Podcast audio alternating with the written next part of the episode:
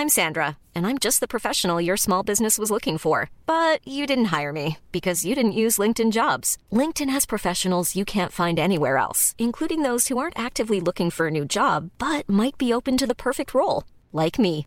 In a given month, over 70% of LinkedIn users don't visit other leading job sites. So if you're not looking on LinkedIn, you'll miss out on great candidates like Sandra. Start hiring professionals like a professional. Post your free job on linkedin.com/people today. Quality sleep is essential. That's why the Sleep Number Smart Bed is designed for your ever evolving sleep needs. Need a bed that's firmer or softer on either side? Helps you sleep at a comfortable temperature? Sleep Number Smart Beds let you individualize your comfort so you sleep better together. JD Power ranks Sleep Number number 1 in customer satisfaction with mattresses purchased in-store. And now, save 50% on the Sleep Number limited edition Smart Bed for a limited time. For JD Power 2023 award information, visit jdpower.com/awards. Only at a Sleep Number store or sleepnumber.com.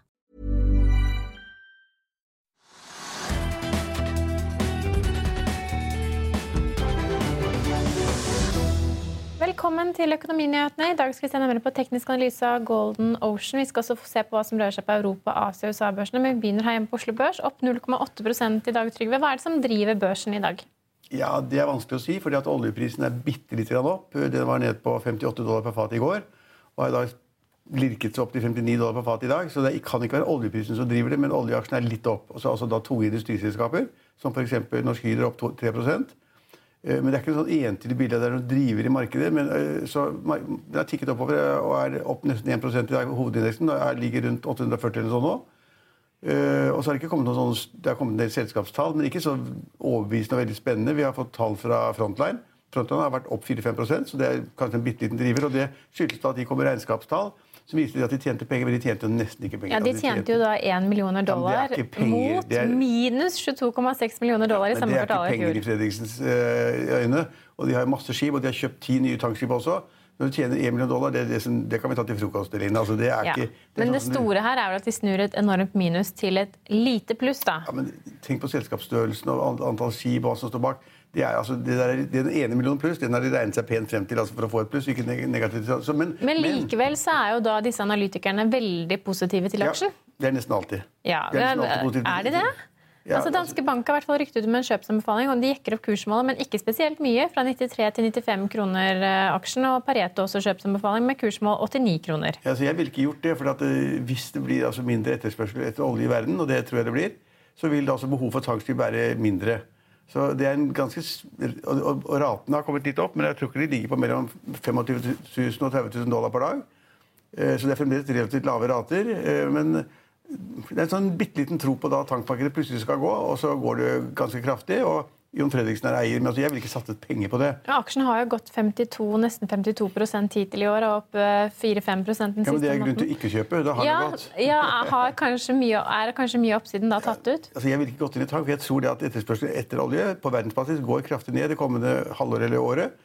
Og det er ikke bra for tankfarten i det hele tatt. Og, så, så det vil jeg ikke satse på. Men i alle fall så har det vært en bitte liten driver. At da shipping er litt opp, og at, at uh, Frontline var opp 4-5 da jeg så på det. Og så har vi da en annen, ikke driver, men det er jo ganske interessant da at Norwegian, flyselskapet, er opp 17-18 Ja. og har gått tikket opp hele dagen, og det er jo ganske kraftig. og Det kommer også etter en, an- en, en, en eh, anbefaling fra jeg tror det var Danske Bank, som da anbefalte Norwegian og mange tror at man skal snu det fra par og 30 par og 30 30 kroner per aksje til noe mer enn det. Og at det skal komme selskap som vil kjøpe Norwegian. Og at de gjør alt mulig annet riktig etter hvert. Og, så og de solgte aksjene sine i Norwegian Holding, altså da i, I banken. Bank Norwegian, ja. Bank Norwegian, slik at ja, så det, det er en ganske kraftig oppgang. Jeg, jeg kan, ikke helt se hvorfor det skulle være en så kraftig oppgang på en dag, men det er en kraftig oppgang i dag. Men aksjen står fortsatt bare på 36,90, Ja. og det er langt unna de kursene vi har pratet om Norwegian bare vi går et års tilbake. Ja, det er, det er katastrofe. Det er, vi har snakket mye om 150 kroner, vi har snakket om oppkjøpscase på 400 kroner osv. Så, det er- Norwegian-aksjen er ekstremt lav, og derfor kan- man si at det er ikke så veldig viktig da om den hopper 10 eller 15% heller. Men det er liksom den riktige veien, og så er det en grunn til det, nemlig at det kommer da en negativ eh, omtale av selskapet. Når du begynner med Norwegian, er det kanskje naturlig å gå over til SAS, som også har lagt frem tall i dag. De fikk et resultat på 1,1 milliarder svenske kroner mot 1,6 milliarder i samme kvartal i fjor. Men driftsresultatet var omtrent på linje med forventning. Men hva kan vi si om SAS? De hadde Nei, jo et trøblete kvartal. Ja, men Det går dårlig fordi at eh, overskuddet er ned, som du er inne på. Altså, jeg tror det, I fjor så var det da et overskudd på det kvartalet på 2 milliarder, eller sånt, og nå var det halvannen. Det er penger i, og det på, det er på pluss. Men konsernsjefen har vært veldig negativ, har vært ute og sagt i markedet at han skal kutte kostnader. og De må gjøre noe, det går ikke så bra. Så når, når konsernsjefen sier at det går ikke så bra, vi må gjøre et eller annet og finne på et eller annet, så synker kursen. Og kursen var ned da det kom i markedet, så falt kursen 4-5% Ikke mer, men ikke mindre heller. Nå hadde de jo også en kjempestreik i kvartalet, og det var vel 100 000 passasjerer som ble rammet av innstilte fly. Ja, De tapte sikkert penger på det, men det er noen som sier at de også da på en måte tjente penger på det fordi de kunne spare alle kostnadene. og at de, ja, så de, de ikke tappet var så stort, da, men de har sikkert, sikkert tapt på det. Men, men, men det er ikke noe bra når overskuddet faller med 25 eller noe sånt. Så Eller så kan vi nevne B2 Holding er høyt på vinnerlisten i dag, opp 11% ja, Det er jo da et selskap som har store problemer. altså Det er et inkassoselskap. og Markedet har vendt tommelen ned over lang tid, og kursen har falt og falt og falt. og har ligget all time high all time, all time love omtrent. Og så, faller den, så går den opp 10 for det har vært en del i markedet, blant annet sto det en del om det i Finansavisen, at det er liksom mange som kunne tenke seg å, å posisjonere seg i B2 Holding, fordi at da det, markedet kommer igjen, og de kjøper kanskje porteføljer som de får litt billigere, som de tjener mer penger på når de selger. Og kanskje har de kjøpt porteføljer for dyrt, de var for ivrige for å bli store. Og nå tenker noen da det at hvis de da på en måte blir litt smartere, kjøper inn billigere og selger dyrere, det er, det er noe man lærer første semester. Så, så, så- Første semester på handelshøyskoler, i hvert fall. ja, så lærer man det, og da kjøper billig og selger dyrt. Så det er noen som tror at det kan skje, men det var jo negativt også da toppsjefen, som var en ganske flink type, men, og han har da åpenbart betalt for mye for de porteføljene de har kjøpt inn, han forsvant jo på dagen for et par uker siden, rett ut av døra.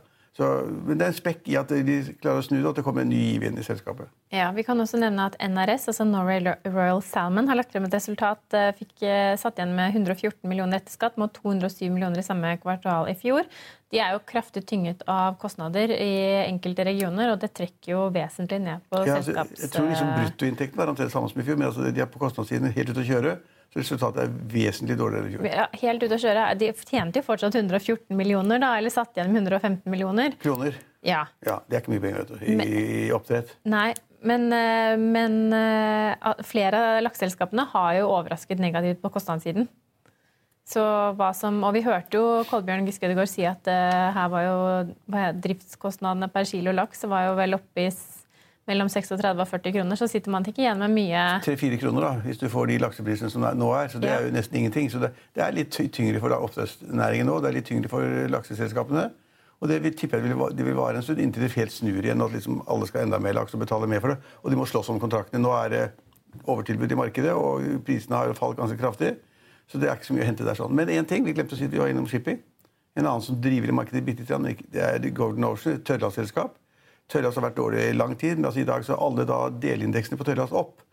Og, tørrlast, og Gordon Ocean, som er Fredriksens selskap, er opp 6% Ja, Den skal vi også ha på teknisk analyse litt senere i sendingen. Det blir sikkert kjempespennende, ja. I morgen legger Kongsberg Gruppen frem tall. Det er jo et solid eh, industrikonsern. Eh, DNB Markets mener at selskapet har masse å gå på videre. Har et kursmål på 150 kroner per, per aksje. Aksjen står i 105 kroner i dag.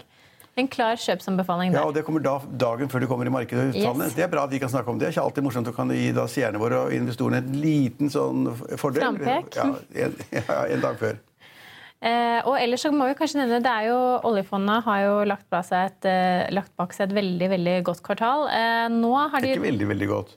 Det er ganske bra. Langt dårligere enn uh, oljefondet eller Statens pensjonsfond utland. Ja. Men, de, men de har et overskudd jeg tror det var 1 eller sånn. Ja. En avkastning på 1% Det er ikke veldig veldig bra, det. Men, de har, de har nytt glede av da de fallende, eh, altså, fallende rentene på lange papirer i, i verden som de sitter med. Som da gjør at kursene på disse papirene blir høyere, og de tjener penger på det. Og så tjener de penger på aksjer.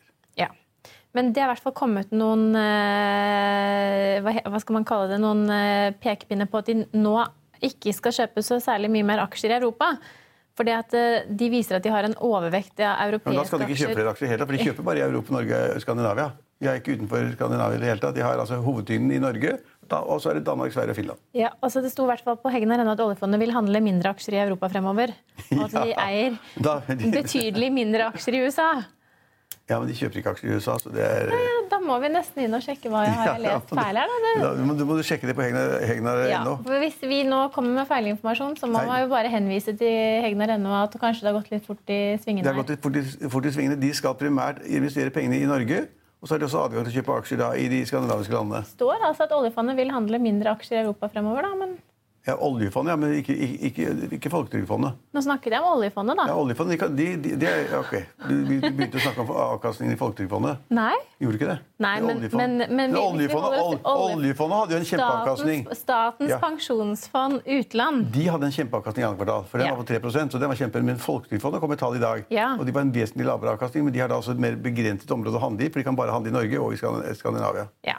Men vi liker å snakke om oljefondet, for det er der vi har mine sparepenger og dine sparepenger Ja. og fremtidige generasjoners sparepenger i hundretusenvis av år fremover. Men de har 9000 aksjer, de er over hele Men de skal i hvert fall kjøpe mindre aksjer i Europa, og skal faktisk kanskje øke eksponering mot USA, for de har en vesentlig mindre eksponering mot amerikanske aksjer enn de har mot europeiske per i dag. Ja, de pleier, altså, Oljefondet pleier å være ganske flinke til å gå inn i markedet som har falt ganske mye. Da. Altså, når folk blir nervøse og selger mye, så kjøper de. Og det kan tenkes at de da vil følge nøye med for å se da om disse handelsforhandlingene mellom USA og Kina hvordan de går, og de er negative. Og hvis det gjør at markedene faller, i dag er markedet oppe i USA igjen, det var oppe i går også en prosent, så foreløpig ser det ut at folk tror på det Donald Trump har sagt. Donald Trump har sagt, nemlig ganske morsomt, at kineserne har ringt han, topplederen i Kina har ringt han og sagt at vi vil gjerne forhandle litt om disse handelsavtalene igjen.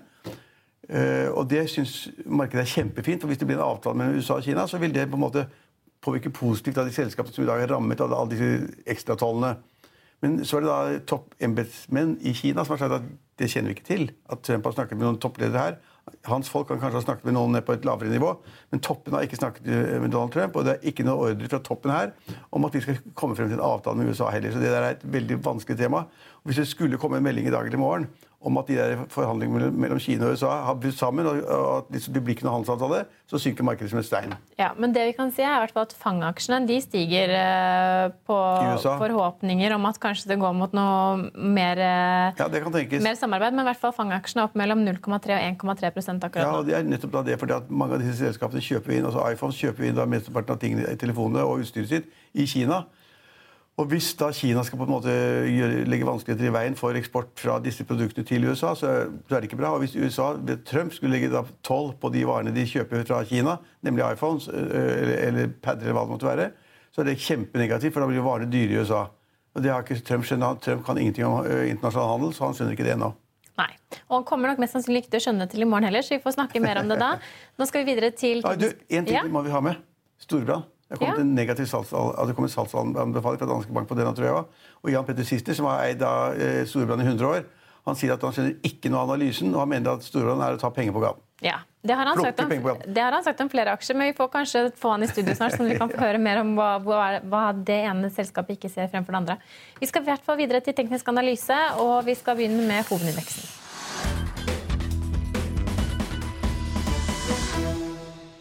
I Finansvisen i morgen kan du lese Trygve Hegnars leder om kritikken mot regjeringens bompengepakke på 2 milliarder, at Norway Royal Salmon sliter med blytunge kostnader i Sør-Norge, og at de daglige stortankratene har steget fra 15 000 til over 40 000 dollar på tre uker. Vi minner om at du også kan høre våre børskommentarer og gjesteintervju på Hegnarpodden. Den finner du på hegnar.no hegnarpodden eller iTunes, Spotify og Soundcloud. Vi er tilbake igjen i morgen klokken 15.30. Følg med oss igjen da.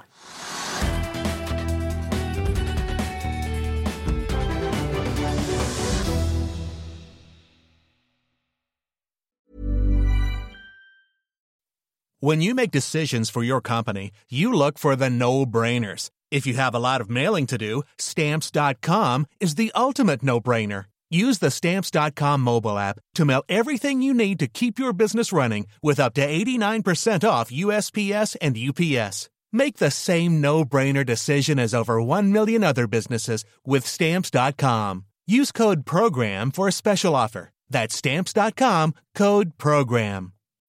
When you need mealtime inspiration, it's worth shopping Kroger, where you'll find over 30,000 mouthwatering choices that excite your inner foodie. And no matter what tasty choice you make, you'll enjoy our everyday low prices, plus extra ways to save, like digital coupons worth over $600 each week. You can also save up to $1 off per gallon at the pump with fuel points. More savings and more inspiring flavors make shopping Kroger worth it every time. Kroger, fresh for everyone. Fuel restrictions apply. Økonominyhetene er en podkast fra Finansavisen. Programledere er Marius Lorentzen, Stein Ove Haugen og Benedikte Storm Bamvik. Produsenter er Lars Brenden Skram og Bashar Johar. Og ansvarlig redaktør er Trygve Hegnar.